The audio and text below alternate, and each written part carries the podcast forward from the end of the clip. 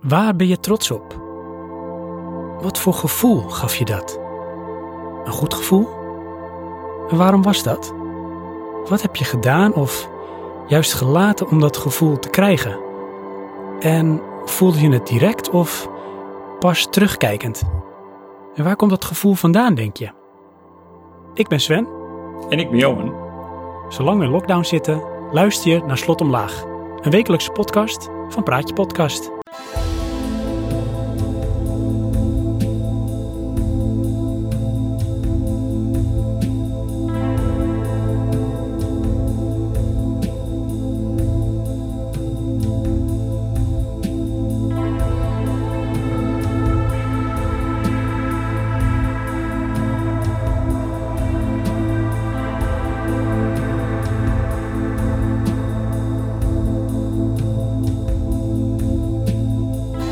hebben weer een bijzonder onderwerp.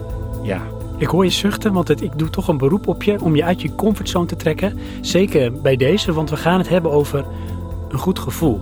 Ah. Ah, hoe zweverig wil je het hebben? Jij Ja. noemde het al, in eh appcontact noemde jij het al, eh, praatje psychologie. inderdaad. En eh, dat is het ook wel een klein beetje, hè? want we gaan straks dieper induiken op wat dat nou is, een goed gevoel.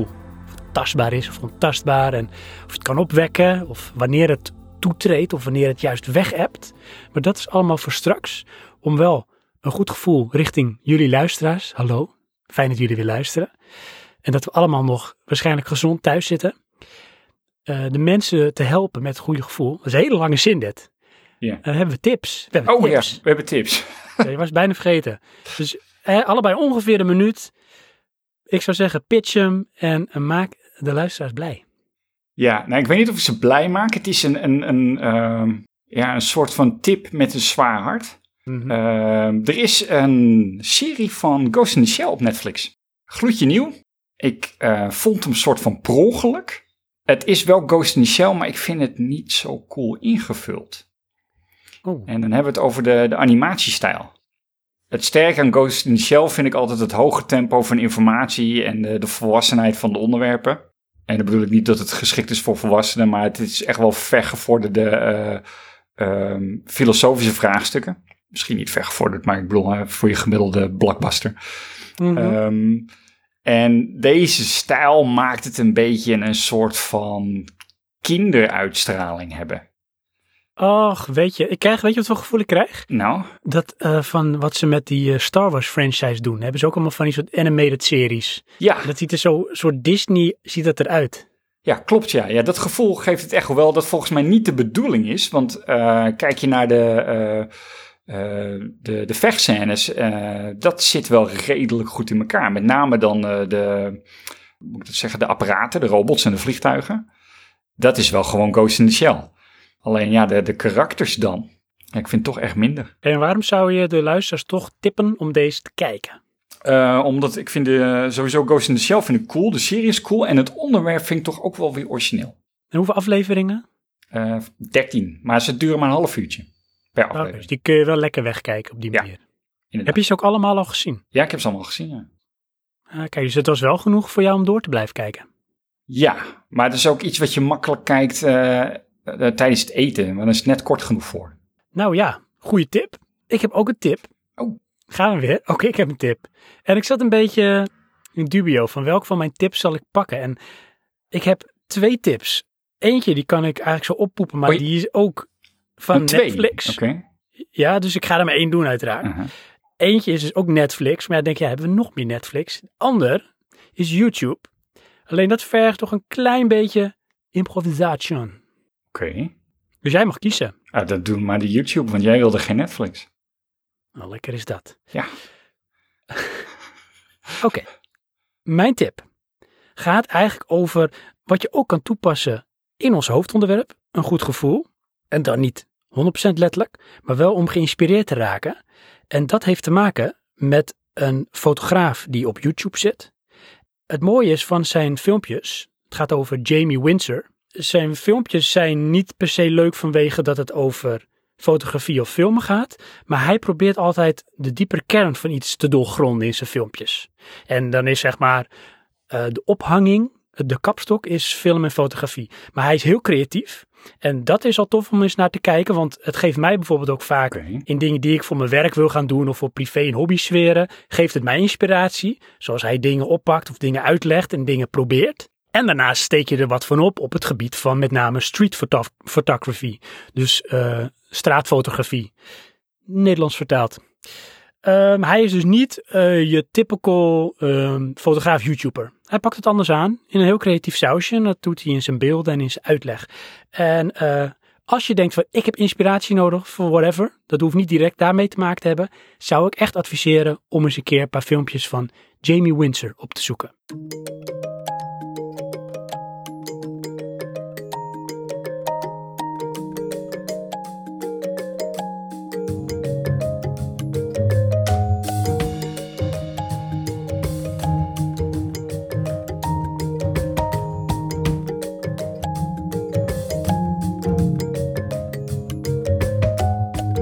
Ehm, Johan.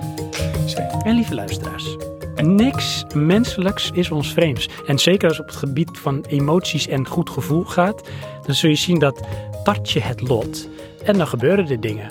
Want eh, Ja. mijn opname bleek na negen minuten in één keer zomaar te stoppen. Dus we hadden net al een klein stukje hoofdonderwerp opgenomen, maar dat was alleen in Johans beleving, want bij mij gebeurde er namelijk niks. Nee. Maar het maakt niet uit. Hé, hey, hoort erbij. Eén iPhone en tablet verder.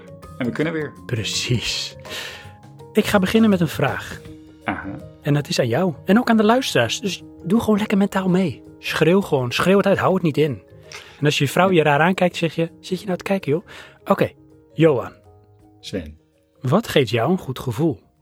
Ja, dan wilde ik eigenlijk hetzelfde riedeltje opraven als net. En dat ga ik toch doen. Ehm, ik heb hier veel over nagedacht. Gelukkig. En ik wilde het eigenlijk gaan reflecteren op onze standaard onderwerpen. En dat is films, games, muziek en technologie. Ach, hoe voorspelbaar, maar toch prettig. Ja, ik weet het. Hè? En dan beginnen we met de makkelijkste, dat is games. Ja.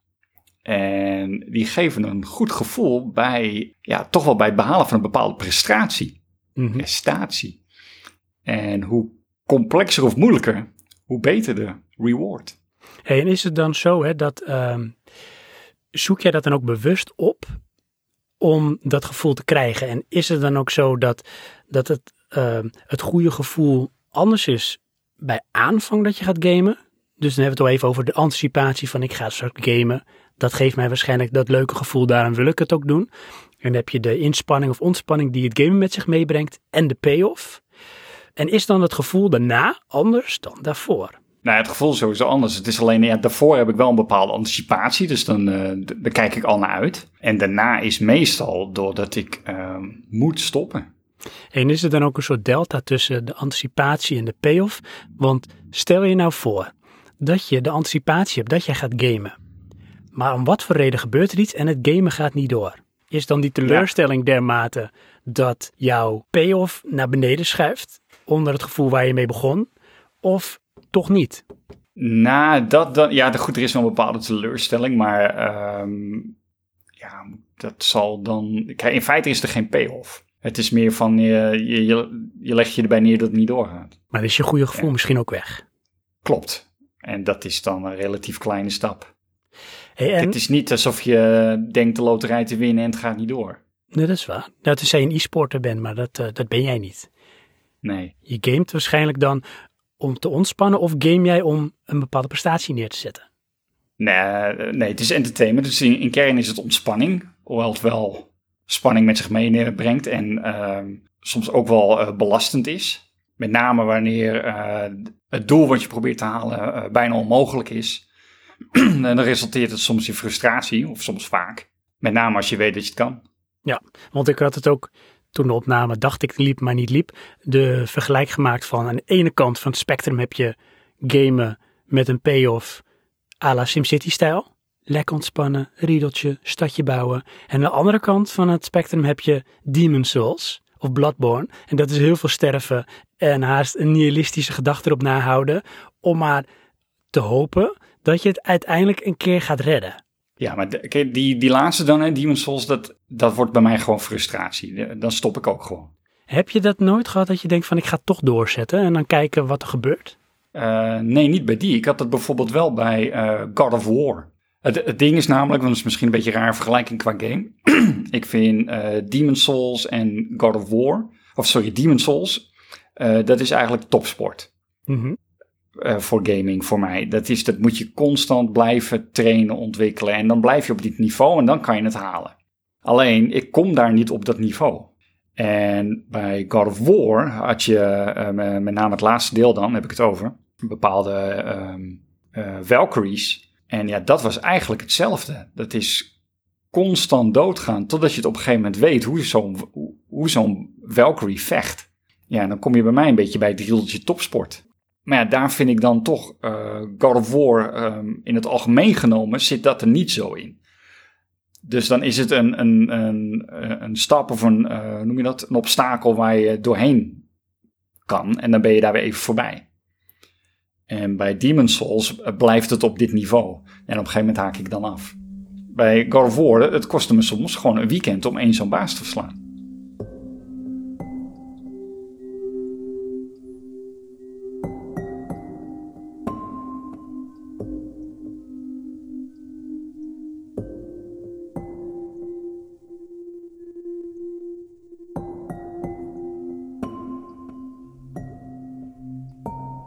En als we dan induiken op, uh, nou jij zegt gamen, hè? gamen geeft jou een bepaald gevoel. Als je dan kijkt, je zou in je eigen hersenen kunnen kijken. Wat zou daar dan gebeuren dat dat iets bij jou triggert? Ik denk dan toch gewoon een, een soort uh, endorfine wat vrijkomt. En dat, is... Bij sporten. Ik, ik heb, uh, mijn beeldvorming is dat het psychisch gestuurd wordt. En dat dat, dat doet iets met je lichaam en geest? Dus je, je ontspant waarschijnlijk of je krijgt een euforisch gevoel. En dat, zijn, dat zijn waarschijnlijk hele kleine stootjes die uh, zo'n dosis die dat losmaakt. Maar blijkbaar genoeg dat je dan uh, daarna uiteindelijk denkt van dat wil ik nog een keer. Ja, dat moet denk ik ook wel, want je hebt toch ook het fenomeen uh, verslaving. En heb jij dat ook voor je gevoel? op een bepaalde manier wel, valt me op. Want ik heb toch een soort van dwangmatigheid om weer te gaan gamen. Precies, dus dat, dat, app, dat, dat gaat naar boven. En daar moet je wat mee, dus dan ga je gamen. Maar als je het nou niet doet, wat dan? Ja, is het dan van, dan komt er wel wat anders op het pad, wat ook een goed gevoel geeft. En dan maakt het allemaal niet zoveel uit. Of sluimert dat dan zo in je hoofd dermate dat je denkt van, nee, ik moet gamen. Nou, dat dan niet, maar ik mis het wel. Kijk, het is... Ehm, films kijken geeft je ook een bepaald gevoel. Muziek luisteren geeft je ook een bepaald gevoel. Dus op die manier is die, die fix wel af te wisselen, om het zo te zeggen. Ja, maar is die te vergelijken? Ja en nee. Qua prestatiebeloning niet. Uh, maar als we uh, teruggaan naar uh, een andere variant van game, neem bijvoorbeeld een, een city builder, mm -hmm. dan wel. Want dat is gewoon een beetje rustig in de flow en oh kijk wat leuk. Ja, precies. Dat is zoals SimCity of ik had het heel erg vroeger met Settlers dan is het haast een beetje nou, een soort met, uh, noem je dat? Uh, trans. Ja, een soort trans inderdaad. Daar kijk je ernaar en die poppetjes die doen hun dingetjes en je stuurt het een beetje. En uh, als een soort god daarboven zweef jij en je, je, je bepaalt wat dingetjes, een paadje leg je uit en dan aanschouw je het. En dan word je zeg maar overvallen door een bepaalde soort rust. En dat geeft een heel lekker gevoel. Ja, ja weet je wat grappig is, bedenk ik me nu? Um, ik kijk uh, een YouTube-kanaal, heb ik vast duizend keer gezegd. gezegd. Het is uh, Splattergat. Uh, nou, hoe dan ook, die um, reviewt altijd indie games. Of bijna altijd indie games. Ook wel eens AAA's. Maar dat is een half uurtje. Elke dag heeft hij een aflevering. Elke dag kijk ik het ook. En dat geeft mij exact hetzelfde gevoel als City Builder. Oh, echt waar? Ja, ik krijg ook zelfs een beetje het gevoel alsof ik het gespeeld heb. Want ik kijk dus naar een game. Dat is toch geweldig? Die, die hij speelt. Dat is echt heel weird. Weet je, want ik zat ook echt van, ja, maar die, oh, nee, dat heb ik gezien, weet je. Ik heb dat helemaal niet gespeeld. maar ja, dat is wel grappig, want als ik dat zo hoor, dan moet ik denken aan het verschil tussen, en dat heb ik ook wel vaker gezegd, dat ik bijvoorbeeld een boek lees en ik ervaar en beleef het. En daar heb ik ook een bepaald gevoel bij. Of dat ik een luisterboek luister. En op een of andere manier kan dat bij mij hetzelfde triggeren, waardoor ik het gevoel zou krijgen, in retrospectief, dat ik een boek heb gelezen. Terwijl ik dat niet heb, want iemand heeft het gewoon voorgelezen aan mij. Ja, dat zou best kunnen. hierbij zit ik dan te denken van, hij speelt best wel veel, uh, uh, hoe noem je dat nou, uh, city planners, dat soort games, weet je wel. card games dan op, uh, uh, op PC. dat je turn-based games. Dus dat zijn allemaal een beetje low-paced games. Het, hij speelt geen shooters. Oké, het is allemaal wel een beetje de SimCity kant van het spectrum van je lekker voelen met gamen. Ja, en de meeste van die games zijn dus ook langzaam. Ja, dat geeft dan toch uh, een ontspanning uh, om naar te kijken, die echt gewoon hetzelfde is als dat je naar je eigen SimCity zit te kijken. Ja, dat heb ik dus nu als ik uh, dit weer vergelijk, want ik ga lekker vergelijkjes maken. En het zullen onze luisteraars ook hebben van, oh, ik moet daaraan denken. Wow. Ik denk dan aan X-Files, jaren 90. Lekker slow pacing. Of Twin Peaks. En dat geeft een bepaald gevoel, want er zit een bepaalde cadans in. En die is lekker rustig, lekker langzaam. Maar daardoor word je ook een beetje, noem een beetje mellow in je hoofd. Dan kun je lekker meedijnen op de golfjes. Ja. Het is geen tsunami of zo, weet je wel. Het is gewoon lekker kabbelen. Inderdaad. Een soort flow. ja, en dat, is, dat geeft ook een lekker gevoel.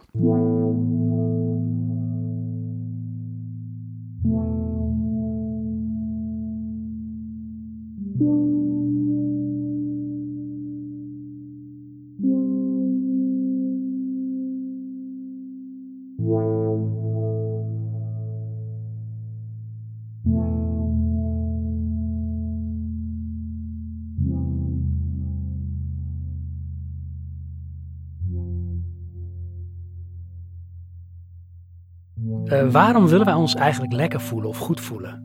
Uh, ik denk dat het een uh, natuurlijke beloning is.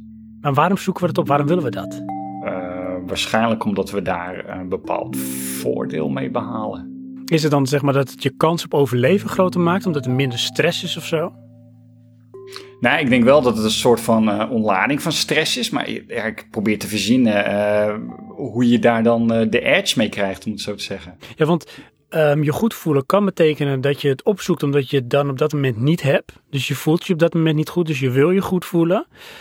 Je kan ook gewoon nee, in de basis je gewoon goed voelen. Ja, maar het zou misschien wel kunnen zijn dat goed voelen een basis is voor zelfvertrouwen. En zelfvertrouwen is een stap naar dominantie. Oh, dus het is een soort met opstapeling van iets en dat kan dan uiteindelijk in je voordeel werken. Ja, hetzelfde als um, je moet heel gewelddadig zijn, wil je hoog intelligent kunnen worden.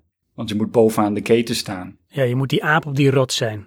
Ja, dus ik, ja, ik stel me voor dat het zoiets is. En als je dan kijkt, goed voelen, uh, als je dat moet omschrijven, je slaat bij wijze van spreken even de Wikipedia erop na. Wat, wat, wat zou daar dan staan? Wat staat er bij goed voelen? Uh, het passeren in een bepaalde status die uh, een tevredenheid in stand houdt. Dus je koppelt het dan aan een bepaalde status, maar is het ook niet, of doe je een soort mentale status? Ja, precies. Mental state. Status, ja. ja. Een mentale toestand noemen ze het ook wel.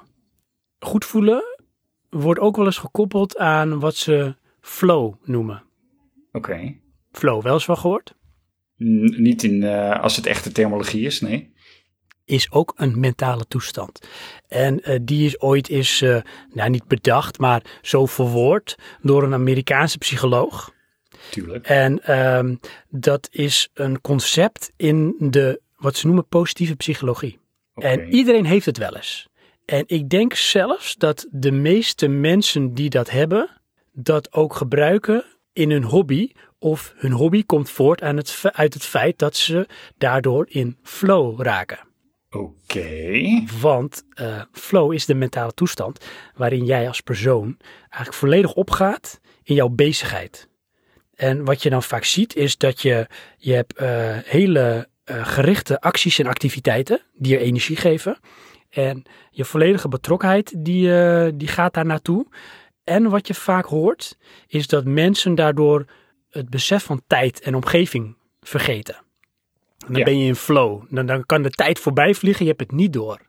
Ja, dat is wel herkenbaar, ja. En, en dat, is, dat is dus ook een onderdeel van iets uh, waar mensen vaak naar op zoek zijn, bewust of onbewust. Om je goed te voelen. Ja. Uh, heeft hij ook een truc voor om dat af te dwingen? Je kan het wel voor jezelf, zou je het zeg maar theoretisch, zou je het neer kunnen zetten van aan welke voorwaarden moet iets voldoen om in flow te raken. En dat bedoel ik van op een gegeven moment krijg je bijvoorbeeld je hobby. En blijkbaar is het je hobby omdat het iets met je doet. bij jou bijvoorbeeld gamen. Het zou kunnen zijn, en dat hebben we allemaal denk ik wel als gamers wel eens gehad, dat je bezig bent met een game en je kijkt op de klok en het staat, oh, acht uur s avonds. En dan ga je gamen, je kijkt nog een keer op de klok, oh, half één. Ja. Waar is die tijd gebleven? Je bent blijkbaar al die tijd in een soort flow geweest, waardoor je helemaal op bent gegaan in datgene wat je deed. En het kan soms, maar dan moet je er zo inzetten, inzitten, zo ver gaan, dat je dus echt daadwerkelijk vergeet waar je op dat moment zelf bent. Dus je verliest Eh. je zelfbewustzijn. ja, maar is dat flow of is dat inleven? Dat noemen ze flow. Want jij kan ook een enge film kijken of een hele realistische film en je leeft je ontzettend in met het personage, maar je hebt nog echt het idee dat je in je bed ligt. Of op de bank. Ja, oké, maar dat heb ik dus niet echt. Weet je, het is... ehm, Wat treurig voor je. Nee, nee, ik bedoel, ik, ik ervaar een film door ernaar te kijken. En ehm, dan, als het ware, ehm, sta ik daarnaast met mijn popcornbeker. Mhm. Ik heb niet het bewustzijn van, oh, ik zit op de bank. Nee, dat zou Ik- kunnen. Maar ik denk ik kan dat... me eh, ook, ja, ik kan me is- nooit herinneren waar ik een film gekeken heb. Met Eh, uitzondering de bioscoop. Ja, dus dat zou wel een, een teken kunnen zijn dat je erin opging. Als je daardoor ook eigenlijk je tijdsbesef en je omgeving kwijt bent, dan zou je daarin ook kunnen spreken van flow, de mentale toestand.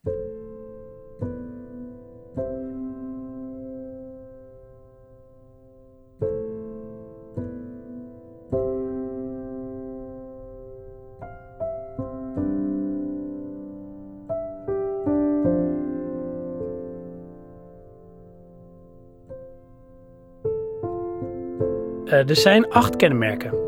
Dus die kun je even voor jezelf, jullie ook luisteren, kun je even afvinken. Kun je weten van, oké, nou ja, eh, hè, hoeveel van die boxjes kan ik vinken en eh, ben ik dan misschien in flow? Of kan ik het gebruiken om in flow te raken? ja. Komt-ie. Nummer 1. Men heeft een duidelijk doel. 2. Concentratie en doelgerichtheid. Denk altijd aan mensen die postzegels verzamelen of zo, weet je wel. Of een modelvliegtuig in elkaar zetten. Die vind ik wat passelijker. Oké. Verlies van zelfbewustzijn. Men gaat volledig op in de activiteit en vergeet zichzelf. Dat klinkt als echt ehm, niet onder controle hebben van je verslaving. Als de, zeg maar, de druk zegt inkikt. Juist. Ehm, verlies van tijdsbesef. De tijd vliegt spreekwoordelijk voorbij. Dat is nummer vier. Nummer vijf. Directe feedback. Succes en falen ten aanzien van activiteit zijn onmiddellijk duidelijk, zodat men daarop het eigen handelen direct kan aanpassen. En dat is ook een beetje wat jij eh, naar hintte. Ik weet niet in welke van de opnames die we vandaag hebben geprobeerd te maken, maar dat je zei van er is een bepaalde frustratie nodig om ook een bepaalde payoff te kunnen krijgen. Dus eh, bij flow moet er ook een bepaalde eh, balans zijn tussen frustratie en ontspanning en zeg maar prestatie.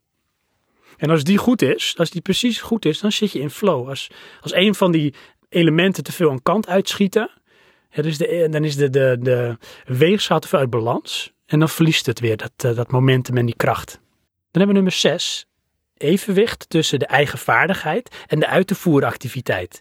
De bezigheden zijn heel uitdagend, echter niet te moeilijk om met succes uit te voeren. Dat is een beetje waar ik naar hint, hè. En wat jij ook zei van Demon's Souls voelt op een gegeven moment te veel als hard werken. Dan is het echt niet leuk meer. Zit je Ja. ver boven je comfortzone of, of je niveau, je vaardigheid, waardoor ja, die balans is er dan niet. Oké, je wilde dat twee keer aankaarten? Zit Zeker. Boven mijn niveau en mijn vaardigheid? Nee. Het zeggen als je het vijf keer zegt, heb je het, heb je het doorleefd en dan, dan blijft het hangen, dan beklijft het. Oké. Het komt nog een paar keer voorbij hoor. Gelukkig nemen we dit op, kan ik het vaker horen. Precies. En nummer zeven, Ja, een gevoel van persoonlijke controle over de situatie of activiteit. ja. Dus het neemt geen loopje met je. Jij bent in control. Ja, maar dat moet ook wel, want het... Ja, goed, sorry, ga even verder, dan hebben we alle punten gehad. Oké. Nummer 8. De activiteit is intrinsiek belonend. Bijvoorbeeld, erg leuk. Ja, maar ik, ik neem aan dat jij dat ook hebt. Je hebt dit ook namelijk op je werk. Ja, op momenten, hè? niet de hele dag, want dat zou heel gek zijn, want dan krijg je die ene film, Office Space. Ken je die? Ja. Die, die vind ik zo geweldig, die film. Weet je, dat, die man die wenst ergens voor, namelijk die heeft zo hekel aan zijn werk. Dus die wenst dat het gewoon, hij gaat naar zijn werk en dan is hij thuis. En dan, eh, dan dat stukje werk, dat is dan weg uit zijn bewustzijn. Dat laat hij zich voor, vol- volgens mij voor hypnotiseren. Maar de uitwerking is andersom. Hij zit alleen nog maar op zijn werk. Dat is echt verschrikkelijk. Zijn weekend krijgt hij niet mee. Het is constant dat hij in zijn werk zit. Ja, maar ehm, mijn punt, Ja, eh, op je werk heb je ook van die momenten dat je, weet je, je hebt een taak die, die wil je voltooien, daar eh, stort je je op, daar ga je in en ineens is de dag voorbij.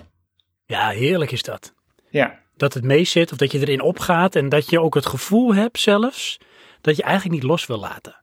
ja, ja, inderdaad, ik heb dat wel, eh, dat ik eigenlijk dan ook nog even door wil. En eigenlijk als je dat gevoel mee kan nemen naar huis is best wel lekker. Dat je echt denkt van, oh, day well spent. Weet je, het is gewoon goed. Ja, klopt, ja. Nou, Maar dat heb ik wel geteld eh, één keer gehad in mijn leven. Ja, dat heb je dus, heb je dus op je werk blijkbaar een keer gehad. Eén keer. Nee, dat heb ik wel vaker. Maar goed, het ligt heel erg aan de taak. Denk je dat je het op kan roepen of dat je het kan trainen? Eh, ja, nou, oproepen vind ik lastiger, maar eh, het trainen denk ik dat nog wel te doen is. Zolang je aan de voorwaarden voldoet waarbij je dat doet. Ehm, het ding wat je ermee krijgt is dat dat dan denk ik wel een vast setje van taken moet zijn. Snap je? Je kan niet de flow kweken op elke taak. Dat is waar. Je kunt natuurlijk wel zeggen van, eh stel je voor je gaat iets doen, je doet het vaker, daar word je goed in, dus heb je controle. En eh, dat stukje, dat kan je heel goed. Dan kan het zijn dat je flow uitwerkt, want het wordt routine. Ja, dat En is dan ga je misschien dat je pakketpaaltje verplaatsen. En dan ga je kijken van, wat is de volgende stap? Ja, maar ehm, wat we, kijk, als ik het relativeer op mijn werk, eh, het kan altijd beter. Je kan daar altijd nog weer een, een extra stap in proberen te maken. Is dat in de Dus denk- positieve zin dan? Nee? Of is dat dan jij die zegt, het glas is half leeg, het kan altijd beter? Of van, Mm. oh, dat gaat goed, maar het kan nog beter. Eh, nee, dat laatste niet het geval, want je hebt die flow waardoor je een bepaalde prestatie neerzet. En daarmee eh, loop je dus het risico van op een gegeven moment heb je dat te vaak gedaan. Ehm, maar doordat je taak nog altijd beter kan, wordt die ook complexer. En dat, dat is dan weer, hè, dus die misschien toch de uitdaging zoeken. Ja. Om eerst even weer te investeren om die payoff te krijgen, dat het weer lekker voelt. En dat je daar weer controle over krijgt. En ik denk ook dus dat het daarin, als je het goed toepast en alles is in balans, als in holistisch, dan Hm. kun je dat dus ook gebruiken om jouw, jouw persoonlijkheid en je vaardigheden te trainen om steeds beter te worden. Ja, het nadeel alleen dan in een werksituatie is dat je meestal een bepaalde eh, target hebt. En flow creëren is niet de target. Dat is zo, alleen dan kun je daar wel creatief mee omgaan. Ja, dat, dat ligt er maar net aan. Nou, dat Eh, bepaal je zelf. Nou, dat denk ik dan niet. Eh, want je kan niet oneindig ergens tijd in proppen. Nee, dat is waar. Maar hoe jij iets doet, dat is feitelijk van je hebt een taak en die moet je doen. Maar hoe je dat doet, en niet zozeer van nou dan ga ik op mijn kop staan of in mijn onderbroek lopen. Maar hoe je dat doet, ook mentaal, hoe je ermee omgaat. Of hoe je jezelf misschien zelfs een beetje voor de gek houdt. Dat bepaal jij wel zelf. En Jawel, daarin maar- kun je in alle situaties die uitdagend zijn of die neigen naar van dan gaat het niet lukken. Zou je toch iets kunnen plukken, pikken. eh, wat je kan gebruiken om voor je gevoel, of misschien letterlijk, in flow te raken. Of je lekker te voelen. Nou, dat weet ik niet. Dat, dat, dat lijkt me lastiger. Want eh, laten we zeggen dat ik een vijftal taken heb. Als dat meer als één een flow kan kweken, dat vind ik al veel hoor. Nou, ja, dan is dat toch ook hetgene wat dan haalbaar is. Jawel, maar dan Dus je het, toch nog niet allemaal leuk te zijn. Ik bedoel te zeggen dat, hè, Johan. Nee, ik bedoel te zeggen dat als je iets, als je een aantal dingen moet doen, die moeten gebeuren. Dan kun je het beste toch maar gewoon het zo leuk mogelijk doen. Jawel, maar ik bedoel dan in die andere vier taken eh, heb je dus niet het flow moment. Dus op een gegeven moment is er een cap van hoe vaak en hoeveel je dat kan doen. Die waar. moeten nog steeds gebeuren. Ja, en dan zou je het uit eh, gedragingen kunnen halen. hè. En dat zou kunnen zitten in dingen die niet direct met de taak zelf te maken hebben. En dat is iets wat ik ook al bijvoorbeeld in mijn werk probeer zelf toe te passen. En dat lukt heel goed. Ik probeer het ook altijd op mijn collega's te projecteren. En dat lukt ook heel goed. Om een of andere reden zie ik nu jou in een goochelshow op je werk. Dat ik De rest moet het aanhoren. Precies. Maar je, eh, kijk, je moet gewoon bepaalde dingen moet je gewoon doen voor je werk. Hè. Sommige dingen moeten, maar niemand dicteert feitelijk hoe iets moet. Behalve natuurlijk met een taakomschrijving. Maar ik bedoel te zeggen, ik denk dat mensen zich te weinig bewust zijn van de impact of invloed die je zelf kan hebben. Om de dingen die jij moet doen voor jezelf zo prettig mogelijk te doen. En dat heeft dan vaak niet zozeer te maken met taakinhoudelijk. Want een taakomschrijving is heel praktisch, pragmatisch. Er staat in hoe iets is en zo moet het. Maar stel je voor dat er factoren zijn eromheen die kunnen beïnvloeden hoe jij je voelt op het moment dat je die taken doet. En dat kan zijn een omgeving waar je werkt, de muziek die je aan hebt, tot de kleren die je draagt, of het geurtje dat je opdoet, ik noem maar iets, of het eten dat je meeneemt. Al die dingen kunnen er bijdragen dat hetgeen wat jij doet veel draagzamer of leuker is. Weet je wat ik nou voor me zie? Nou, Dat jij naar je werk gaat met een foto van een palmboom en eh, teenslippers en een zakje zand. nou stel je voor dat dat Om de vakantie is. vast te houden. Ja, dat nou, zou dus zomaar iets kunnen zijn. Kijk, en als dat te veel is, nou, weet je, het zijn mensen die doen het met letterlijk bijvoorbeeld een foto van een vakantie die ze op een bureau hebben staan. En als ze daarnaar kijken, dan projecteert dat weer het gevoel van toen, of ze projecteren zichzelf in dat moment. En dat kan vaak een gevoel geven, waardoor iets, nou ja, het klinkt zo lijden en lasten, maar dat het draagzamer is. Dat vraag ik me dan dus af, hè? Want is het dan dat je een beter gevoel kweekt? Of kweek je dan juist het gevoel van shit, ik wil daar weer naartoe? Nee, maar dat hangt er vanaf, want dan neem je het denk ik te letterlijk. Kijk, het gaat erom, noem het maar even, een vonk dat je nodig hebt om een vuurtje te maken. Dat hoeft niet altijd een aansteker te zijn. Snap je wat ik bedoel? Het is heel Ja. abstract, maar ik ga hem proberen ik- toe te lichten. Je beseft dat we de helft van onze luisteraars Er zijn. maakt niks uit. maakt niks uit. Kijk, ehm, wat ik wel eens heb, en dat is misschien mijn mentale afwijking of zo hoor. Hmm, ja. Ik kan wel eens hebben dat ik bijvoorbeeld maar- op mijn werk zit en dat ik denk van, nou, ik heb vandaag even niet zoveel zin in de dingen die ik moet doen. Noem maar even iets. Kan hè? Gebeurt niet vaak. Maar het kan zo zijn.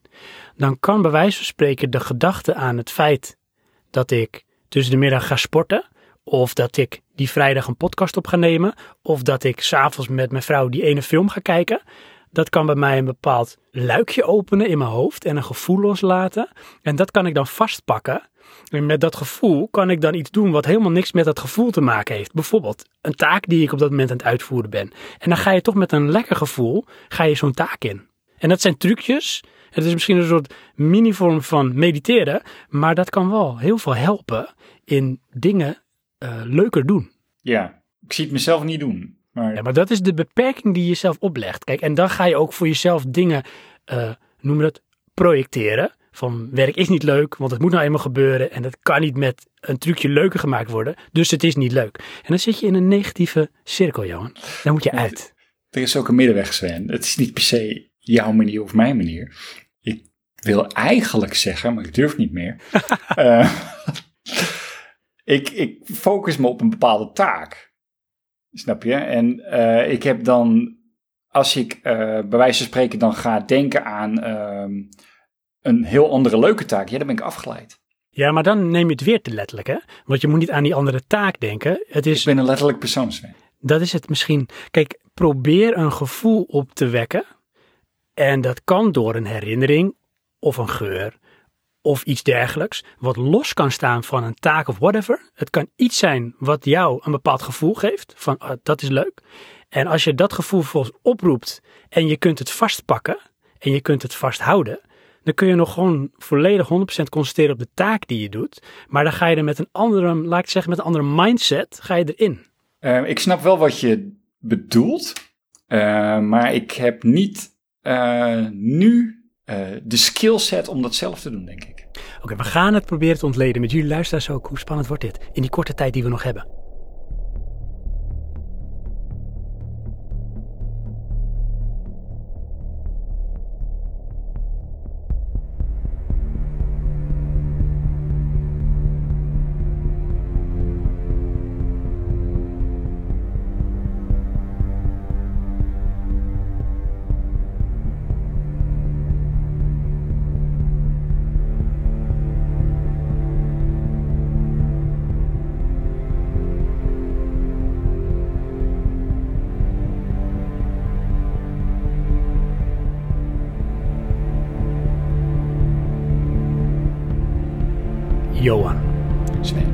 Wat is er nu in dat in jou oppopt waarvan je denkt van als ik daaraan terugdenk, geeft mij dat een goed gevoel. En dat kan van alles zijn. Leg jezelf geen beperking op. Wacht daarvoor. Als ik me terugdenk, geeft dat een goed gevoel. Ehm, nou ja, we hadden al games. We, films hebben we dat ook al aangeraakt. Eh, muziek. Maar ik, ik, ik zoek eigenlijk meer naar niet iets algemeens, maar specifiek voor jou een herinnering. Iets waarvan je denkt van, ik was daar of ik deed dat. En dat gaf mij in uh, retrospectief echt een goed gevoel. Ja, maar dat is een echt een, een, een handeling. Hoeft niet. Het kan ook een, een, een, bepaalde emotie zijn van iets wat er gebeurde. Dus het hoeft niet aan een handeling gebaseerd te zijn. Maar eerst iets van, um, maak het meer een herinnering. Als je aan welke herinnering denkt, krijg je daar een goed gevoel van. Uh, snorkelen. Kijk, nou, dat is een perfect voorbeeld. Leg uit, snorkelen. Want dat heb je waarschijnlijk dan ook gedaan. Ja, ik heb uh, één keer op vakantie gesnorkeld en daar was ik sceptisch van vooraf. En dat bleek ik daar was ik heel erg van onder de indruk. En als je daar nu even aan terugdenkt, hè, van wat, wat voor gevoel komt er dan in je naar boven? Waarom was je uh, onder de indruk? Um, het, het, is echt, ik vond het zo raar, uh, gevoel van vrijheid. En is dat omdat je daar, zeg maar, in die oneindige oceaan rondzweefde? Nee, inderdaad, uh, rondzweven tussen de visjes. Had je toen ook voor je gevoel flow, denk je? Dat je dacht van het overviel je zo, dat je eigenlijk even vergat waar je was en hoe lang het duurde? Ja, want het, dit wilde ik namelijk uh, daarna nu gaan vertellen. Um, dat moment wordt, eh, werd ook heel abrupt afgekapt. Doordat ik op een gegeven moment alleen nog de enige in het water was. Oh, wacht, dat schiet echt. Nu schiet de emotie de verkeerde kant op. Nou, dat had ik dus ook. Het schoot bij mij gelijk de andere kant op van, is er iets gebeurd? Moet ik uit het water? Ja, precies. Terug naar het moment dat het leuk was. Want dit is niet ja. goed. Kijk, dat gevoel, nee, het was, ja. Want ik, ik, ik hoor jou erover praten en ik hoor de intonatie in jouw stem, hoor ik veranderen. Dus waarschijnlijk kan ik niet zien, is jouw lichaamshouding ook veranderd op het moment dat je het over dat snorkelen had. En dit is nou precies wat ik bedoel. Dat is een bepaald gevoel dat jij nu zelf oproept. En dat doet iets met jou, mentaal en blijkbaar dan ook lichamelijk. En dit gevoel, als je dat kan aanleren om dat bijvoorbeeld op te roepen en vast te houden, en dan is er nog een sliertje dat achterblijft en daarmee ga je iets doen. En het hoeft niet meteen iets stoms te zijn, maar je gaat iets doen. Dan heb je best wel kans dat met de mindset waarin je dan datgene gaat doen, je uh, datgene wat je gaat doen, prettiger, leuker of minder stressvol ervaart. Oké. Okay. Want als ik dus je namelijk ik, nu had door ja. laten praten naar van ja, en toen was ik de enige in het water. En toen dacht ik van, is er een reden dat ik hier niet moet zijn? Is er misschien een grote haai of zo waar ik voor weg moet zwemmen? Nou, dan schiet de stress toe. En als je dan in één keer nu met dat stressgevoel diezelfde taak moet gaan uitvoeren, dan kan ik je vertellen dat het een andere beleving is. Maar als ik goed luister, zeg je eigenlijk dat ik met een snorkelmasker naar mijn werk moet gaan. Jij als letterlijk persoon, ja, op je hoofd in een uh, aquarium stoppen. Die is nog beter. ja. uh, luisteraars, hebben jullie dat ook? Zo'n aquarium.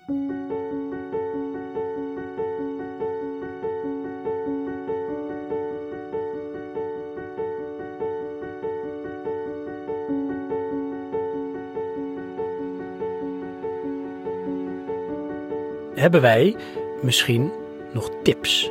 Hebben wij tips waar wij onze luisteraars mee kunnen helpen om zich goed te voelen? Nee, nee, maar ik denk dat ik niet. Ik zie dat toch echt als een, een persoonlijk iets. Oké, en als je dat dan even abstraheert, dus je haalt je als persoon eraf, zijn er dan factoren, elementen, onderdelen die ertoe eh, bijdragen dat jij je goed voelt? Ja, ik denk wat iedereen wel heeft, uh, of laten we zeggen het merendeel, is uh, luisteren naar muziek.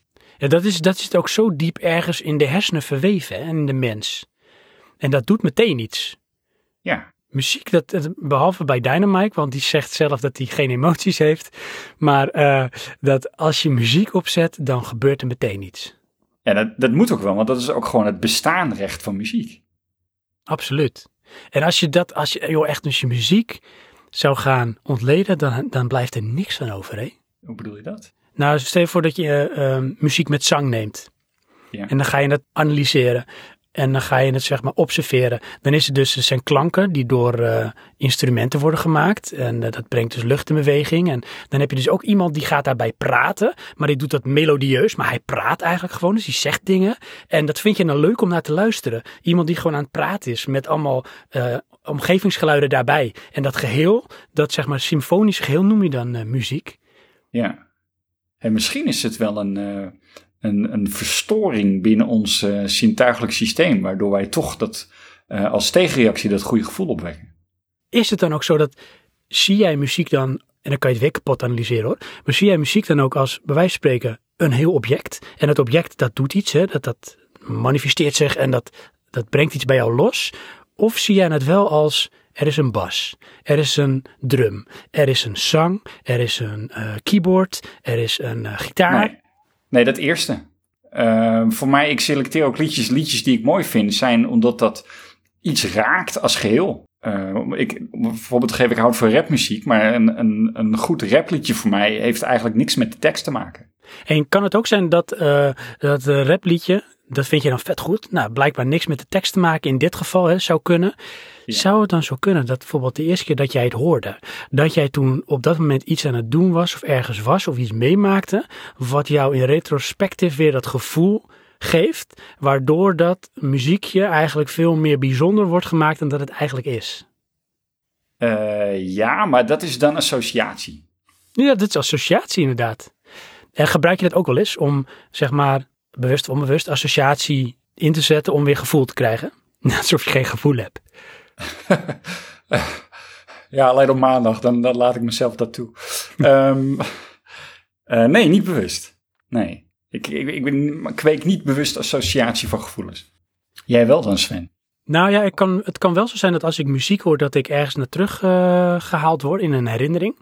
Ja. En dat maakt ten eerste de herinnering weer levend. Maar die herinnering roept dan ook een emotie op. Dus dan is het bij mij wel eens de twijfel van, vind ik het nou tof omdat die muziek mij de emotie geeft? Of triggert de muziek een herinnering die mij de emotie geeft? Dus is het de herinnering of is het de muziek? Ja, maar inderdaad, maar dat is nog steeds associatie. Maar het is niet dat jij de muziek aanzet omdat je die, die emotie wil hebben. Nou, misschien soms wel. Ja? Ja, dat zou kunnen. Als je, als je iets wil oproepen, omdat je voor je gevoel, weet ik veel, aan het reminiscen bent. Of dat je je melancholisch voelt. Ja. En dat je terug wil.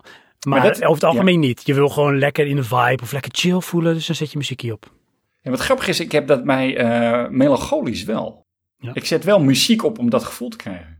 Wel hè? Ja, dat dacht ja. ik. Maar ik heb niet, ook, ja. daar voel ik me dan niet goed bij. Nee, dat hoeft ook niet, want dat is het. Kijk, soms kan ook melancholie is iets wat ongrijpbaar is. Hè? Je, je hunkert naar een tijd die er niet meer is. Ja. En dat maakt jou melancholisch. Dus van vroeger was alles beter gevoel. En dat is niet altijd een positief gevoel als je het zo omschrijft. Maar het kan wel een bepaalde emotie oproepen uh, die jij prettig vindt omdat het dan hunkering ja. is soms ook een soort prettig gevoel. Hè? Iets wat er eigenlijk niet is of wat, je niet, wat niet toereikt is, maar wat je toch wil. Ja, maar het is dan, ja, ik denk dan, uh, in, in, mijn beeld is het een negatief gevoel, maar de associatie maakt het dan aangenaam of draaglijk. Ja, want dat is het. Hè? Want het is ook zo van uh, gevoel is gevoel. Dat is er of dat is er niet. Is niet goed of fout. En uh, mensen hebben wel de neiging om zich altijd heel graag goed te willen voelen. Maar mensen hebben ook heel erg de neiging om uh, slecht te voelen. Je noemt bijvoorbeeld een negatieve gedachte of een negatief gevoel. Maar het is gewoon een gevoel die iets oproept. Ja. En dat kan niet positief of negatief zijn, dat is gewoon een gevoel. Mensen willen dat gevoel vaak onderdrukken of wegwerken. Maar dat, waarom, ja. waarom is dat? Hè? Waarom laten wij eigenlijk niet veel meer toe dat we ons af en toe ook gewoon niet goed voelen? Um, Want het liefst stopt het weg met pillen, met theorie, met allemaal afleiding. Omdat het makkelijker is om je slecht te voelen dan om je goed te voelen. Maar als dat zo is, dan is het toch ook veel beter om daarmee te dealen. Ja, maar Want- dealen is wat wat- anders dan erin blijven hangen. En wat je zegt eigenlijk al van, het is dus blijkbaar heel moeilijk om van dat slechte gevoel af te komen en dan je geforceerd goed te proberen te voelen. D- dat denk ik, ja. En dan krijg je de situatie waarin mensen gestrest raken. Dus een beetje, zo zie ik de millennials van tegenwoordig. Die, worden in een, die zijn in een soort met gouden kripje geboren. En de wereld is helemaal geplaveid voor ze. En ze krijgen de hele dag te horen dat ze alles kunnen. En dan blijkt in één keer de wereld niet zo te zijn. En dan zijn ze depressief. En ze kunnen het niet handelen. En dat gevoel kan niet, want je moet je altijd goed voelen. En het moet steeds beter. Dus prop er een paar pillen en wat eh, therapie in. En dan komt het blijkbaar wel goed. Want dan negeren we dat slechte gevoel. Um, Oké. Zit er los, frustratie bij jou, Sven? Ja. Waar komt dit vandaan?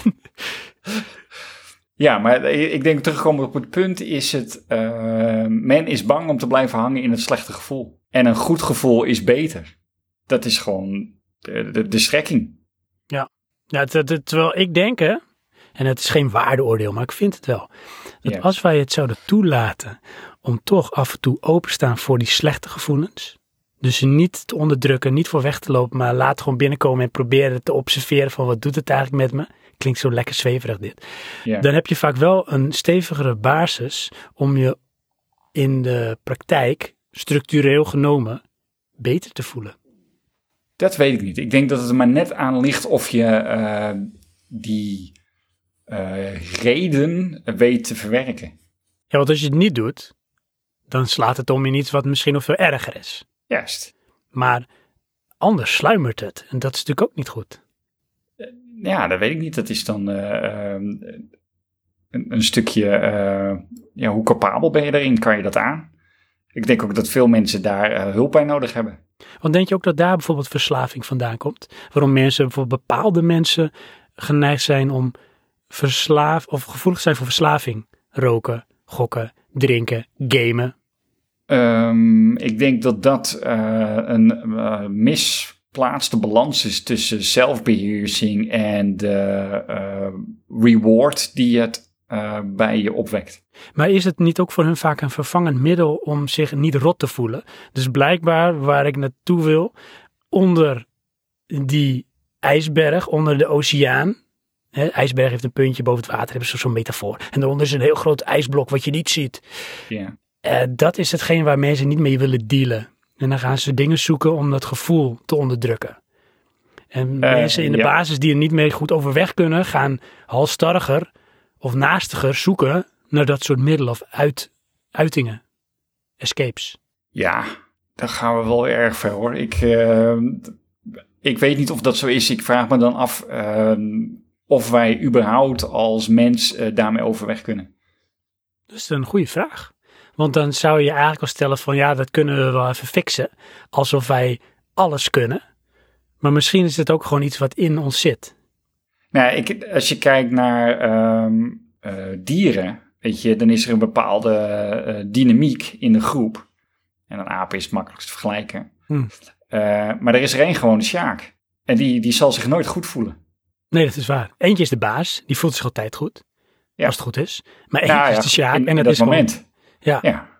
Ja. En eh, weet je, wij zitten op een veel complexer niveau. Maar ehm, ja, ik denk qua chemie eh, niet, niet echt hoor. Merendeels werkt hetzelfde. Ja, dat denk ik ook. Alleen ik denk dat omdat wij bewustzijn hebben, gaan we natuurlijk ook veel meer koppelen aan associatie en aan gedachtes. En dat is natuurlijk ook misschien een beetje een manco van de mens. Dat wij dingen bewust meemaken en het als herinnering vasthouden en er ook naar teruggrijpen. eh, waardoor je eigenlijk jezelf wel eens klem kan denken of kan Ja. voelen. Terwijl misschien als het beter is om je gewoon even te kunnen dealen met het feit en het minder verleden, toekomst meekrijgen, maar gewoon meer in het heden zit. Van nou, het is gewoon zo. Ja, dan is het wat is. Ja, maar dan dat, oordeel dat je het minder eigenlijk. klopt. Alleen dat staat dan toch ook weer tegenstrijdig op onze samenleving. Want we willen toch altijd alles regelen.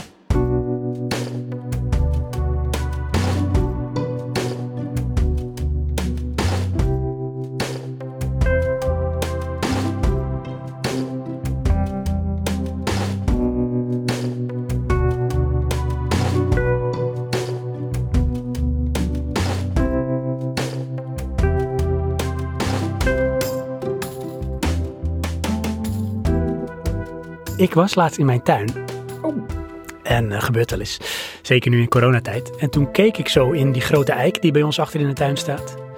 Bovenin. En er zat een nestje eh, met een duif. En ja. die duif die zat zijn eieren te broeden. Oké. En dat zat ik zo te aanschouwen. En dat werd toch ook een beetje een soort met eh, beleving of een momentje dat ik dat zo zag. Ook de rust die mij overviel. Maar aan de andere kant dacht ik van, wat heeft een duif een ontzettend saai leven. Want daar zit hij dan, hè. Maar echt ook de hele dag op dat nestje, op die Ja. eieren. Maar ik zou dan denken, ja, stel je voor dat je met bewustzijn van een mens een duif bent en dan zit je daar in dat nestje op die eieren. Dan heb je misschien de eerste vijf minuten nog het gevoel van, nou ja, het is wel tof, want ik denk dat ik kan vliegen. En het uitzicht is ook best wel mooi. Maar na tien minuten slaat dan op een gegeven moment toch de verveling toe. Ja, Dat je- ja, die ik, zit, duif, ik zit nog steeds daar op die eieren. die duif zit in de real-time versie van Office Space. Ja, maar dat is het. Die duif heeft dat bewustzijn niet. En dat is een heel kort bandje, waardoor die constant in de now zit, zeg maar. Ja, dat zou het dan zijn, ja. Ja, de nou wordt gedicteerd door eh behoeften. En dat is bij hem natuurlijk heel primair. Dus hij wordt daar ook door gestuurd. Dus zijn oerbrein is zijn hoofdbrein. En bij ons wordt dat steeds meer onderdrukt. Maar ik vond het een, een grappige soort met, ja, haast gedachte-experiment dat ik daar even de plek had onder die eik in mijn tuin. Maar ik heb nog wat korte dingetjes, Johan. En dan vraag ik ook aan jou of je nog wat anekdotes hebt van dingen die jou op een bepaalde manier een goed gevoel geven. En eh, ik zal er eentje noemen. Misschien roept dat ook weer bij jou of bij de luisteraars iets op. Ik kan het toch ergens ook wel hebben van materialisme.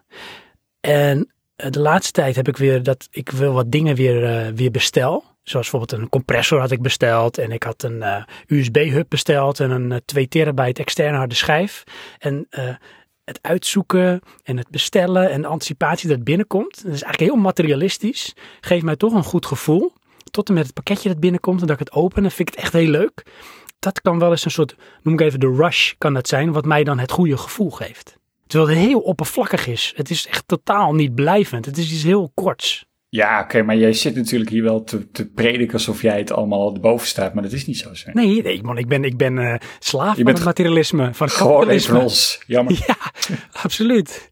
There's no denying. Maar dat, eh, oh, daar kan ik toch wel van genieten. En daar kan ik ook wel een beetje, ben ik ook een beetje gevoelig voor. En het is niet dan als in impulsief, maar wel toch een tikkeltje ja, noem het toch maar materialisme. En niet dat ik het wil bezitten, maar ik vind het wel leuk om het te gaan uh, aanschaffen. Ik ben wel van het bezit hoor. Ja, ja, wat voor mij is, is voor mij. En kan je daar ook dan zeg maar dat genot van krijgen? Kun je goed voelen? Uh, ik, wel, zoals jij het omschrijft, dat heb ik ook wel. Of tenminste, kan ik ook wel hebben. Uh, moet ik wel zeggen, uh, de meeste dingen die ik recent koop zijn dan toch voor het huis. En dat is dan noodzaak. Zo ervaar ik dat dan. Ja, ja dus en, je, je geeft je geld er misschien niet per se het liefst meteen aan uit, aan dat. Juist. Maar het kan je wel helpen in iets te bereiken wat je graag wil. Ja, inderdaad. Uiteindelijk heb ik uh, een, uh, een mooi huis, tenminste. Dat, dat is dan het doel. Maar plinten, ja, ik heb daar geen plezier bij om plinten te bestellen. Nee, maar wel het gedachte dat je huis netjes raakt, je woonkamer. Ja. Inderdaad, dat is het dan, ja. Dus de, de plinten en de verf, dat zijn de frustrerende elementen van jouw levensversie van Demon's Souls. Ja, klopt. En er komt de kamer die nog voor, is, dat is, je huis is de eindbaas. En als je die verslagen hebt, dan, dan heb je het voor elkaar. Ja, ja, inmiddels ben ik in de modus dat ik uh, zoiets heb van, nou, ik ga wel God of War spelen.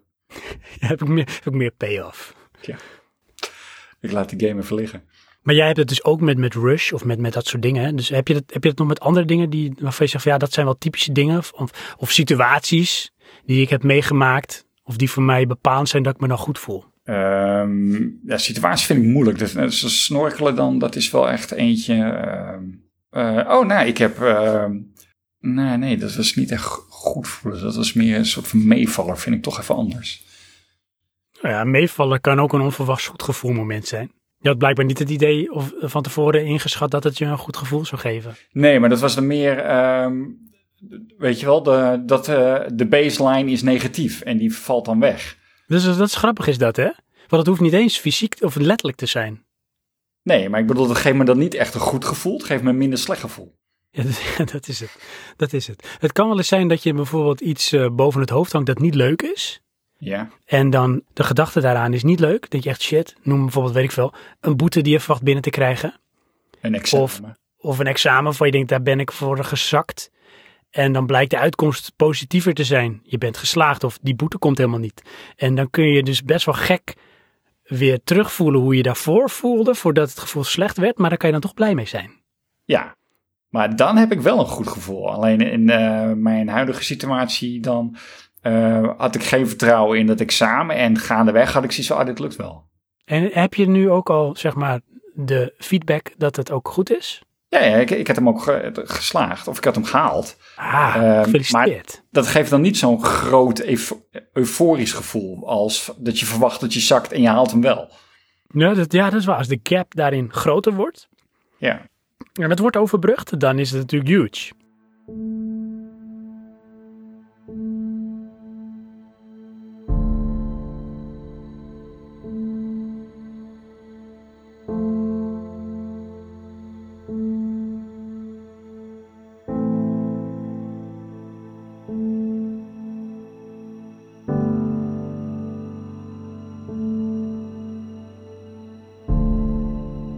Andere dingen? Uh, jeetje.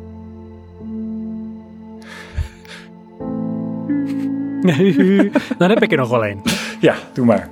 Want aan de ene kant van het spectrum heb ik dan het materialisme, wat je goed kan voelen. Oké. Okay. Uh, aan de andere kant heb ik van het spectrum bijvoorbeeld gewoon dingen ondernemen met bijvoorbeeld mijn gezin. Een rondje fietsen en dan zie je dat de zon schijnt en eh, je ziet dat je kinderen en je vrouw dat die genieten. En dat geeft ook een bepaald gevoel van je goed voelen, maar dat is echt van een hele andere orde dan de rush van iets aanschaffen wat je binnen gaat krijgen. En dat gevoel van je goed voelen, dat denk ik dan dat je misschien als geluk kan bestempelen. Dat blijft ook veel langer hangen en dat is veel krachtiger, eh, omdat het een hele andere feedback geeft dan bijvoorbeeld ja, iets aanschaffen. Ja, maar de, geluk, daar heb ik altijd een beetje moeite mee. Vertel, Ehm, Johan. Ja, ik ik verwoord het misschien raar, maar ehm, ik ben namelijk, ik leef zelden in het moment van nu. Dat vind ik zo en- terug om te horen dit. Ja, maar goed, het is nou eenmaal zo, denk ik dan. Ik ben altijd bezig met dat wat komen gaat. Ja.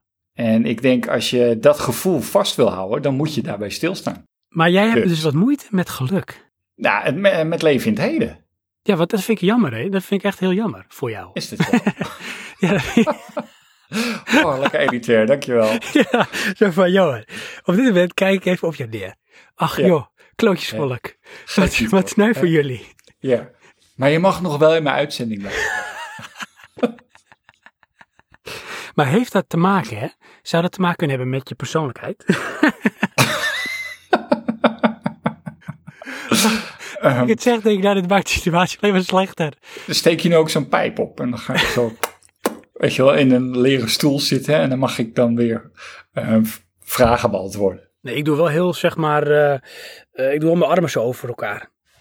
Maar vertel, wat, wat, waarom heb je zoveel moeite met in het heden? Te, nee, de zou- vraag zou was of het aan persoonlijkheid ligt. oh ja, ja, want dat zou het inderdaad letterlijk aan, zou het echt met je persoonlijkheid, Tuurlijk. maar niet per se met jouw persoonlijkheid, maar met Nee, de ja. persoonlijkheid van een persoon, dus jij in ieder Juist. geval. Ik denk dat dat eh, het hele dilemma is. We zijn niet gelijk, dus er is geen eh, standaard fix. Nee, ondertussen onze luisteraars, het kan zijn dat je denkt, zit er een storing in de uitzending? Maar dat is het goede gevoel dat mijn vrouw nu zelf opwekt door lekker te gaan douchen. Dus dan weet je dat. Dat is even de disclaimer. Oh, je, je hebt het over het geluid. ja, Oké. Ja. Maar ik, ik, Dus. dus, ah joh, ik zou hier een aflevering voor kunnen maken die langer duurt dan dan deze gaat duren. Want we zitten hier nu al richting een uur. Maar toch ben ik nog echt heel erg benieuwd, een klein beetje hoor. Van waarom, hoe zit dat? Probeer dat eens een beetje aan ons luisteraars en mij host uit te leggen hoe het voor jou zo moeilijk is om in het nu te leven. Ja, Waarom ben jij geen duif in mijn achtertuin? Eh, omdat ik, ik zoek werk. ja, dat, dat- nee, maar goed, dat is waar het praktisch op neerkomt, snap je? Ik zie overal werk in. Ja, oké, maar is dat hetzelfde als dat mensen zeggen, ja, ik zie overal beren op de weg. Want in het, in het nu leven, is dat dan dat je werkeloos bent of zo? Hoe moet ik het zien? Nou, kijk, ehm, de reden waarom ik games leuk vind, films en eh, het liefst ver weg op vakantie ga, is dan ontkoppel ik me van eh, mijn omgeving. Ja, escapisme, zeg maar. In een bepaalde zin van het woord. Ja. Jij zoekt een escape van je dagelijkse gang van zaken. ja. Ehm, het, het, het, het probleem waar ik dan nu mee zit, is dat ik. of het probleem waar ik nu mee zit. Eh, ik heb nu de situatie, ik werk, Ja, ik studeer probleem. en ik ben aan het verbouwen, snap je? Ja. Ja, daar ben ik dus. Klinkt wel stressvol, Johan. Nou, dat is het ook. Ik ben constant bezig. En ehm, weet je, uiteindelijk eh, lost een van die dingen zich op. Maar dan ben ik alweer aan het verzinnen wat ik dan ga doen. Ja. En ik denk dat jij dat ook hebt. Iedereen heeft dat, in een bepaalde zin. Alleen de kunst is, is het trainbaar om daar minder last van te ondervinden? Laat ik een hele rare metafoor eh, maken. Oké. En daar gaat hij. Er zijn mensen die last hebben van tinnitus.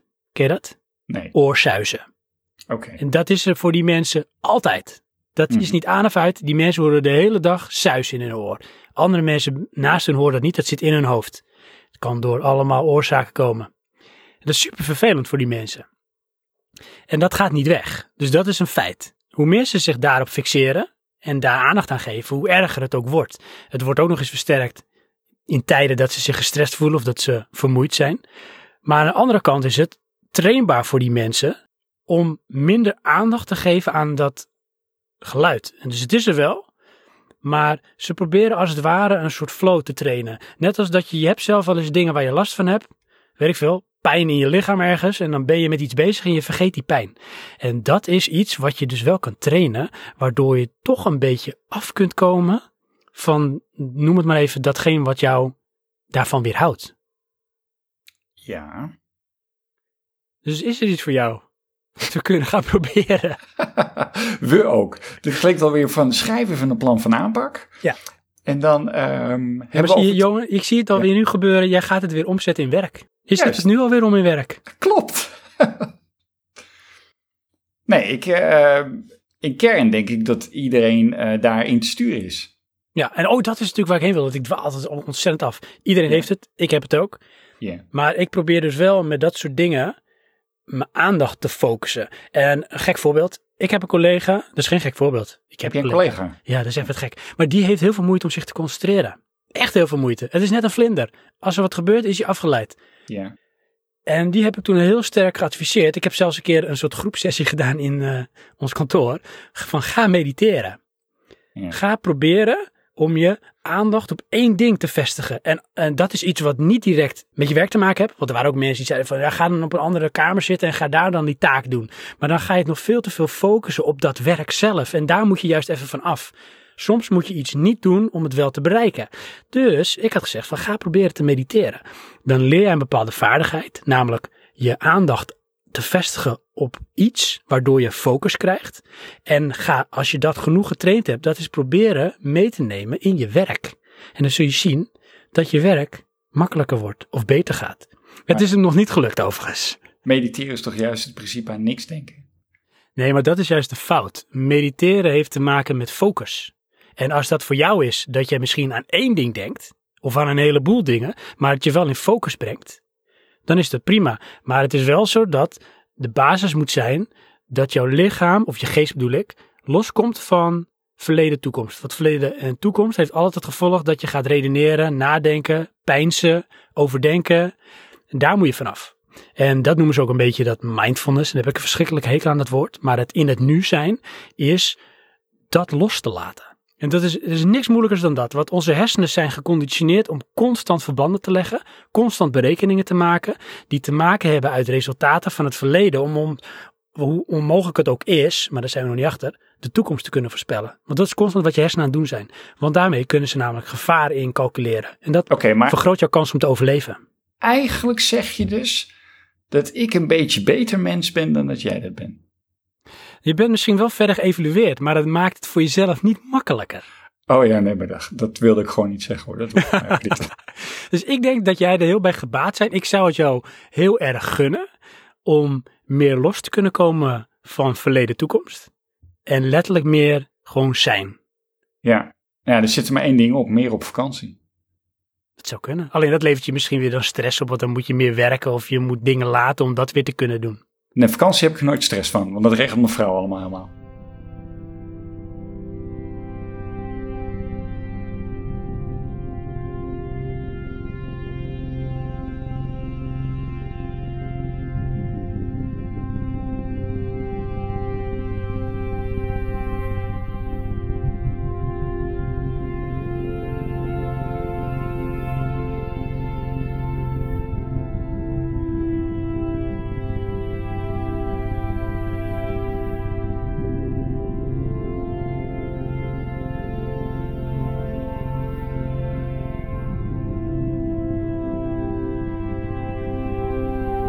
Hou dat gevoel vast. Ja. Ik ga dus naast een eh, binnenste buiten aquarium met een eh, koffer naar mijn werk. ja, inderdaad. Wat ga je doen, Johan? Ik ga op vakantie. En dat zeg je dan elke dag. En is het van een, een nieuw hire die dan binnenkomt. En, zegt huh? en dan zegt ze, nee, nee, nee, laat hem maar. Hij gaat elke dag op vakantie. In zijn hoofd. Snorkelen. En dan zeggen ze, hij zoekt flow. En dan doen ze zo die vingertjes. Zo quoten. Flow. Ja. Oh, dat is verschrikkelijk. Is dit ook projecteren, Sven? Ze dat weer op je werk inmiddels? Ja, nou, ze, ze maken me wel eens voor dingen uit hoor. Dat kan ik ook prima hebben. Ik ben altijd wel een beetje dan zeg maar eh, de zweefteef, om het zo maar even te zeggen in de groep. Ja. Maar eh, dat vind ik ook eh, een, titel die ik mezelf graag op mezelf afroep. Om de mensen om me heen beter te maken. Oh ja. dat is verschrikkelijk. Ik echt. Shit, hoe heet die reclame nou? Is je ook zo iemand die dan het wel even zou oplossen? En Johan, Ja. dat we afsluiten. Ik heb nog een paar korte tips voor iedereen. Oh, voor iedereen. Ja, voor iedereen, ook voor jou. Komt-ie. Als je nou, Nou. toch denkt, ik heb moeite om me goed te voelen. Hier komen ze. Eh, stel je voor, je hebt een druk gezinsleven. Ga scheiden, ga zelf wonen. Nee, Stop ermee. Ja, stop mee. Nee, eh, eh, plan een dag voor jezelf in. En dan denk je, ah, pff, wat een cliché, wat een inkoppertje. Maar het is moeilijker dan het lijkt. En hoe kun je dat nou eh, fysiek maken of feitelijk, praktisch? Ik heb geen metaforen meer, nu stop ik. Pak je agenda, fysiek of digitaal. Blokkeer een dag en zet daar met koeienletters in me-time. Of iets wat je dan wil gaan doen, een hobby of weet ik wat. En zet dat erin. En zorg ook dat je met jezelf de afspraak maakt dat ook wat er ook gebeurt, behalve als het corona uitbreekt of iets, je gaat dat doen op die dag. Dat is het moment voor jouzelf. En dan kun je gaan trainen aan het je lekker voelen. En dat is weer een soort reserve die je opbouwt, wat je meeneemt. Als je je miserie van de rest van jouw leven door kachelt. Dat is één ding. Tweede ding. Jongen, is er stil van. Pak, pak een hobby op.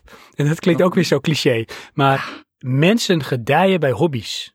Je ziet ook altijd de mensen die het meeste zeuren, die Ja. altijd heel veel lichamelijke en psychische kwaaltjes hebben. Dat zijn mensen zonder hobby's. Maar wacht eens even hoor. Dan ga je eerst bij iemand proberen af te dwingen dat ze een, een dag reserveren. Die ga je vervolgens volproppen met een nieuw gemaakte hobby. Nee, kijk, en jij doe je het weer, hè? Je vult het weer met werk. Ja. Je moet het niet volproppen. Hobby is iets wat eh, van nature jou aantrekt. Wat Ja. is dat voor jou bijvoorbeeld, Johan? Wat is een hobby van jou? Wat ik van nature aantrek is kleding, denk ik. Je wilt een styliste worden.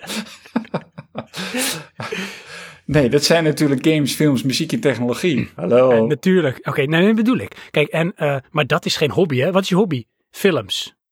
Nee, een hobby is ook een soort bezigheid. Dus het zou film kijken kunnen zijn, maar het zou ook kunnen zijn film maken. Filmen. Ja. Of fotograferen. Want jij vindt dat soort dingen ook leuk. Dus de technologie eh, toepassen in activiteiten. En waarom is dat leuk? Wacht even, zeg je nou net drie keer tegen mij dat ik het weer omschrijf in taken? Ja, En nou doe je het zelf ook. Ja, ik mag het, want ik zweet erboven. Oké, nou goed. Dan, eh, dan het- waarom is dat leuk, Johan, een hobby? Waarom is dat leuk? Ehm, waarom is een hobby leuk? Ja, eh, omdat het je een soort van voldoening geeft als je er iets mee bereikt. Precies, dus je leert er blijkbaar iets van. En dan Ja. is het dat je vaak terugkijkend er beter in bent geworden. Waardoor je hobby intensificeert. Intensiveert, bedoel ik. Of eh, dat het payoff geeft. Maar het kan je ook in flow krijgen. Je kan er ook daardoor in flow raken. Omdat zijn ook dan, van- als je dat doet, ben je even je soeres kwijt. Ja, en ik kan me ehm, meerdere situaties voor me nemen waarbij ik dan aan het uitzoeken ben hoe iets werkt. En dan zit ik in zo'n flow. Leuk hè? Ja. Dat kan je haast proeven. Ja. En als je er nu aan denkt, ga je er ook een klein beetje al naartoe. Ja, zit je me nou te, te, te, te, feeden of zo? Weet je, komt er nou weer iets van. eh, en wat je dan moet doen? Ja, de, en de laatste. En dan laat ik jullie allemaal met rust, jongens. Dan hebben jullie heel veel stof om over na te denken. Is, ehm, stel je voor dat er toch dingen zijn die moeten gebeuren. En ik had al bepaalde trucjes geprobeerd, maar niemand luistert hoe je dat dan toch kan doen. Totale anomalie. ja, Iets moet gebeuren. het moet gebeuren. Doe vooral eerst de dingen die moeten en die niet zo leuk zijn voor jouw gevoel. En ik noem even een ding. Stel je voor. Nou. Jij hebt de dag voor jezelf, maar er ligt Je nog een berg met was. En die moet, jij nog, die moet je nog opvouwen. Maar je wil ook gamen. Dan kun je denken dat je zegt, ah die was die komt wel, ik ga lekker gamen. Maar wat gebeurt er? In je achterhoofd is er stress, want die was ligt er nog. Je gaat wel gamen, maar je bent niet helemaal relaxed. En wat je dan ziet als je dan zegt, nee, ik ga eerst die was opvouwen en wegwerken. Dan ben je misschien wel een uurtje tijd die je had kunnen gebruiken om te gamen. Maar daarna heb je zoveel meer rust, dat je zelfs de kans hebt dat je iets anders gaat doen dan gamen. Dat je denkt van, nou, ik ga lekker even een rondje naar buiten lopen of ik ga een boek lezen. Maar als je dan dan bijvoorbeeld gaat gamen, voel je je zoveel meer relaxen en voel je je goed. Ja, maar. Nou, oké. Dat is nou precies het probleem. ik moet altijd nog wat anders doen. Optimist, pessimist. Ja.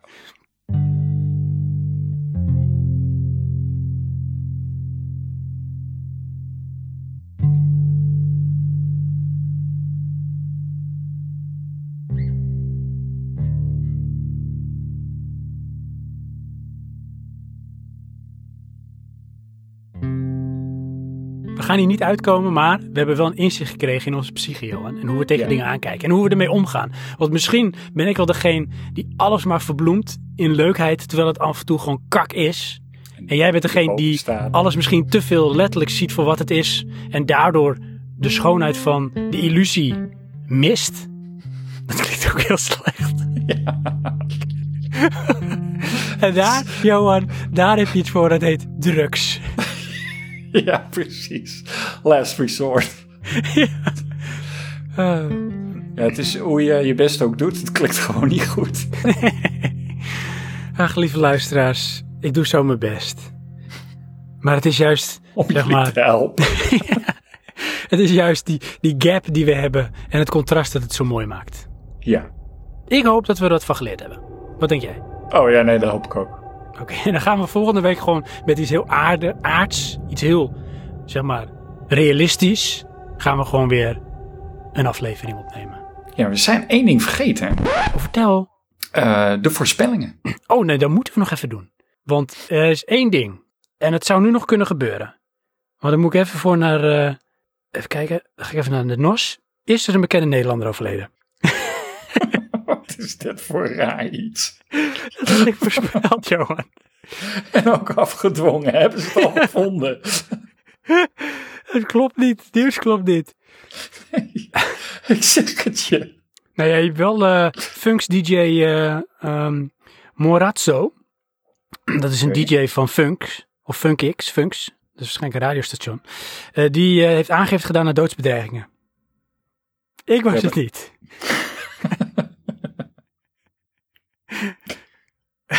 En een jongen van 13 vindt twee keer een oorlogsgenaat. Maar dat was geen bekende Nederlander. Oké. Ehm, ja, en eh, een man moest naar Pieter Baan Centrum voor het bedreigen van prinses Amalia. Maar de- die leeft ook nog. Hmm. Dus eh, mijn voorspelling is niet uitgekomen. Eh, we zien wel dat eh, Trump eh, China de schuld aan het geven is. Ja, zie je. Dus dat is wel aan het uitkomen. En zijn er heel veel doden gevallen in Amerika? Ja, volgens mij iets van 20.000 of zo. Ja, zie je. Eén op de vier doden van corona komt gewoon uit Amerika. Ja. Ja, Bizar. Nou ja, goed, dan gaan we verder op corona. Ik weet de rest van onze voorspellingen niet meer. Ja, je had toen wel eh, gezegd dat de anderhalve meter maatschappij, dat blijft voorlopig. En dat werd dan ook medegedeeld dat dat lang, langer zou gaan aanhouden. En Ja. dat is wel uitgekomen. Want dat Ja, wordt klopt. alleen maar meer bevestigd. Dat van jongens, we zitten hier voorlopig echt nog wel even in. Ja, maar ik heb, eh, weet je, ze kweken bij mij nu het beeld alsof dit, weet je wel, dit gaan we de komende jaren zo doen. Ja, en dat is wat ik zei. En dat is nog niet uitgekomen. Van mensen hebben er op een gegeven moment scheid aan.